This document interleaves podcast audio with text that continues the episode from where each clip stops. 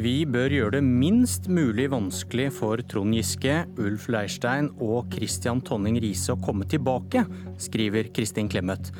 Hva tror hun varslerne syns om det? Og i dag legges regjeringserklæringen fram i Stortinget. Hva tror Trine Skei Grande venstrevelgerne syns om det?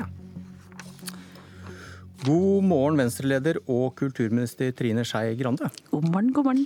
Du er med oss fra Stortinget fordi Erna Solberg har invitert alle partilederne til et samarbeid mot seksuell trakassering, og det møtet starter om et politisk kvarter. Så skal statsministeren legge fram Høyre, Venstre og FrPs regjeringserklæring for Stortinget. Eh, det du fortalte velgerne før valget var ekstremt lite sannsynlig har skjedd. Venstre gikk i regjering med Frp. Hvilke ekstremt usannsynlige gjennomslag har Venstre fått i den politiske plattformen som presenteres for Stortinget i dag? Nei, Vi er ganske stolt av mange ting. Det første er jo at vi har fått til et grønt skifte, og vi har fått til en grønn klimapolitikk som eh, jeg tror kanskje ikke har vært mulig for fire år siden. Det er mange enigheter i Stortinget det bygger på, og man har vært villig til å dra det framover. Husk på når de blå-blå la fram sin regjeringserklæring, så var ikke miljø og klima en av de åtte hovedutfordringene. Nå er det de to første og de to viktigste hovedutfordringene som denne regjeringa skal fikse. Det er vi veldig stolt over. Og så ser vi også at vi har fått en rusreform som ellers ikke har vært mulig, der vi skal snu fra å fordømme til å behandle eh, folk med rusproblemer. Vi fikk forstoppa pelsdyrnæringa, vi har fått en tredeling av pappapermen. og ja, Både små og store ting som jeg kanskje ikke var helt sikker på om vi skulle klare. Klima f.eks., som du nevnte først, da, det sto jo i deres samarbeidsavtale forrige periode også. Så var det du nå nevnte ekstremt usannsynlig gjennomslag? Ja, det var, det var, i hvert fall store gjennomslag som kommer til å forandre Norge på veldig mange områder.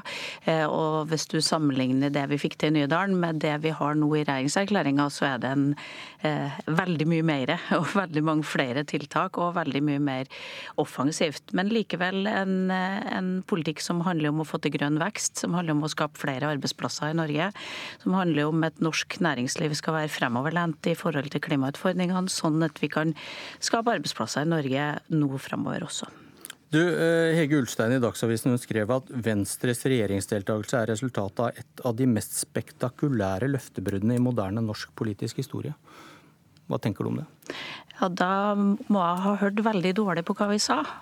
Eh, vi sa at vi ønska Erna Solberg som statsminister. Det var faktisk den siste setningen jeg sa i det siste uh, appellen min på, NRK sin valgdebatt før valget. Uh, vi ønska oss en blå-grønn regjering, og så gikk KrF ut av det samarbeidet. De sa de ville ikke være med på å prøve å forhandle det fram en gang. De ville ikke sette seg ved bordet. Det, det var en stor skuffelse i Venstre. Men det betyr jo ikke at vi skulle si at nå skal vi støtte en statsminister men vi skal ha ingenting igjen for det. Så vi hadde jo lova også at vi skulle sette oss ned sammen på borgerlig side og snakke sammen og se hvor langt vi kom. Eh, vi hadde håpa at det skulle inn i en blå-grønn regjering, men med KrF ikke var på det laget lenger, så måtte vi finne andre måter på hvordan vi skulle maksimere vårt gjennomslag. Det var, og det var ikke før i ekstremt... desember at vi bestemte at det trodde vi at vi skulle få til med en regjeringserklæring. Eh, men vi var også åpne for at det skulle være med en samarbeidsavtale. Men det var vel det ekstremt usannsynlige Ulstein hadde bitt seg merke i, da. Ja, men det var ikke mer ekstremt usannsynlig enn vi sa at vi skulle samarbeide på borgerlig side. Vi skulle snakke sammen, og vi støtta Erna Solberg som statsminister. Så... Men du hopper ganske litt bukk over det du sa om å sitte i regjering med Frp?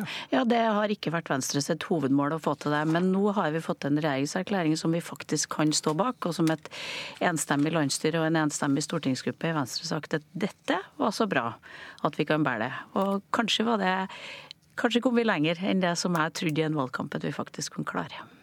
Apropos gjennomslag. Venstre mener store deler av norsk olje og gass må bli liggende for å redde klimaet. På forsiden av Aftenposten i går en smilende oljeminister fra Frp som sier at oljepolitikken er den samme med Venstre i regjering. Blir du irritert av sånt? Jeg syns kanskje han burde lese hele erklæringa, for der står det jo bl.a. at eh, vi i 24. konsesjonsrunde skal miljøfaglige råd tillegges større vekt. Det står at vi skal lage en ny forvaltningsplan for hele Barentshavet. Vi har en ny klimarisikoutvalg som skal se på klimarisikoen overfor norsk økonomi, at vi er så oljebasert som vi er.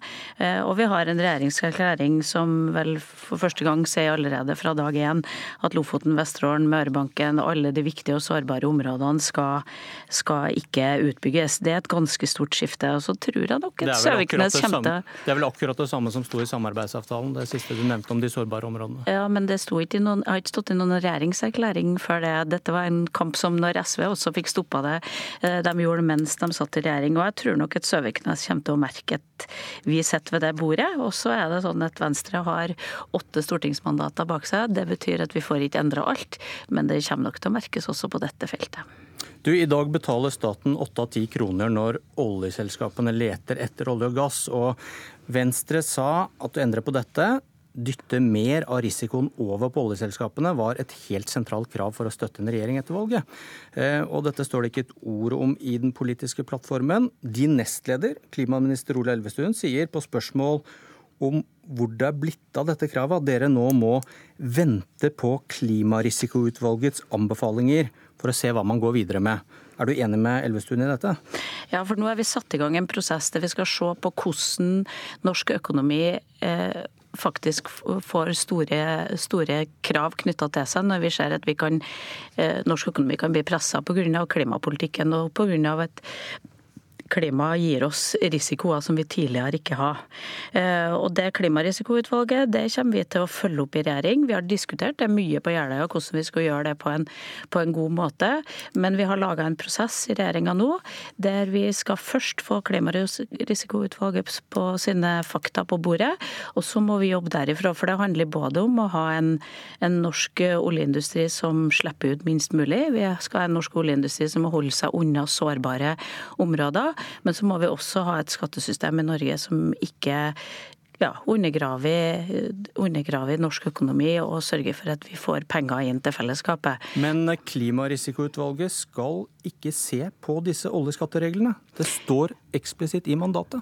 Ja, men vi kommer til å følge opp det som videre når det, den utvalget sin vurdering ligger på bordet. Er Siv Jensen enig i det? At det ligger i kjølvannet av dette, da skal vi se på disse reglene? Reglene? En regjering må til enhver tid forholde seg til de økonomiske utfordringene de står overfor. Det har Siv visst med stor tyngde at hun har klart når, du... vi har, når vi opplevde nedgangen i oljeprisen. Og vi må forholde oss til de økonomiske risikoene som ethvert land blir utsatt for men, til enhver tid. Men for at det du sier nå skal være troverdig, da skulle det vel stått eksplisitt i en framforhandlet regjeringsplattform at dette skal vi se på, som Venstre syns var så viktig. Det står ingenting. Jeg tror at, eh, jeg må bare si at hvis, eh, hvis, noen tror at alle de seirene vi har vunnet, har vi allerede vunnet fra dag én, så har jeg ambisjoner om at vi også skal jobbe med mange ting videre i dagene framover. Kan du ikke bare si at dette fikk vi ikke til, denne kampen den tapte vi? Du får måle oss hvor langt vi har kommet om fire år, da. Eh, det som står i erklæringen er oljebransjen lover stabile rammevilkår. Da kan du vel ikke endre rammevilkårene ved å endre skattereglene, da? Da bryter du jo det du har skrevet under på? Ja, Du får måle oss på hva vi klarer å få til i løpet av fire år. Vi har laga en prosess, vi har diskutert mye hva som skal være utgangspunktet for en sånn prosess mellom oss fire partiene. Og så får vi, får vi også sørge for at det skal være forutsigbart for næringa, oljenæringa. Jeg vil at ting skal være forutsigbart for alle næringer i Norge, er sånn at de kan være med å skape arbeidsplasser, og at man ikke har en stat som forholder seg ulikt med dem fra måned til måned. Siden du har skrevet under på at oljebransjen lover stabile rammevilkår, så kan vi kanskje konkludere med at det vil være ekstremt lite sannsynlig at Venstre får til en endring i oljeskattereglene, da. Da får vi se hva de kommende fire årene og hvilke utfordringer norsk økonomi blir satt ovenfor i de fire årene. Du, nå må vi slippe deg. Du skal i metoo-møte med de andre partilederne. Hva må komme ut av det for at det ikke skal bli noe mer enn vi viser at vi tar det alvorlig med å invitere til et møte? Nei, Jeg håper jo at eh, vi kan lære av hverandre og lære av de prosessene som har vært i mange partier på hvordan vi skal gjøre dette på gode måter. Og så tror jeg det er viktig å si at det er veldig gøy å jobbe i både ungdomspartiet og i, i norske politiske partier. Og selv om vi har hatt de, de fæle hendelsene vi har hatt, så er det, er det både trygt og fint for de aller, aller fleste å være med. Og jeg håper jo at de prosessene vi har vært igjennom nå, også kommer til å gjøre det mye tryggere i framtida. Takk, Trine Skei Grande.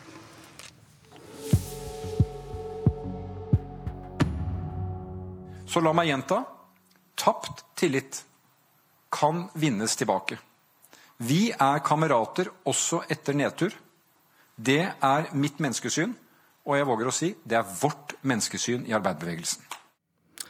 Det sa Jonas Gahr Støre til sitt landsstyre i går om Trond Giske, som har gått av som nestleder. Kristin Clemet, leder i Civita, velkommen. Takk skal du ha. I en kronikk i Aftenposten skriver du vi bør gjøre det minst mulig vanskelig for Trond Giske, Ulf Leirstein og Christian Tonning Riise å komme tilbake. Hvorfor er dette viktig? Ja, Det er to ting som det dreier seg om. og Det ene er det som gjelder for alle i vårt samfunn. Nemlig at de som har gjort noe galt, juridisk og eller moralsk, eh, skal ha en mulighet til å gjøre opp for seg eh, og starte på nytt. Det gjelder for dem som for alle andre. Men det jeg skriver om her, er det som er litt spesielt for disse tre. Og det er jo at eh, De er jo selvfølgelig kjent for alle. De har vært gjenstand for et massiv medieoppmerksomhet, som er en pris å betale for å ha levd et offentlig liv. Men det de har felles, selv om sakene deres er forskjellige, det er at de er stortingsrepresentanter. Og selv om de har mistet posisjoner, makt, tillit og anseelse, og det med rette, så er det ingen som kan frata dem vervet som stortingsrepresentanter, og de kan heller ikke frasi seg det vervet. Det har med Grunnloven å gjøre. Og da mener jeg, i likhet med noe Jonas Gahr Støre også har sagt, at eh, vi har vel alle en interesse av, når de kommer tilbake til dette vervet, at de kan skjøtte det på en så normal måte som overhodet mulig i de over tre årene som gjenstår av stortingsperioden. Vi skal glemme det de har gjort? Skal absolutt ikke glemme det de har gjort. Det tror jeg vil være umulig å gjøre.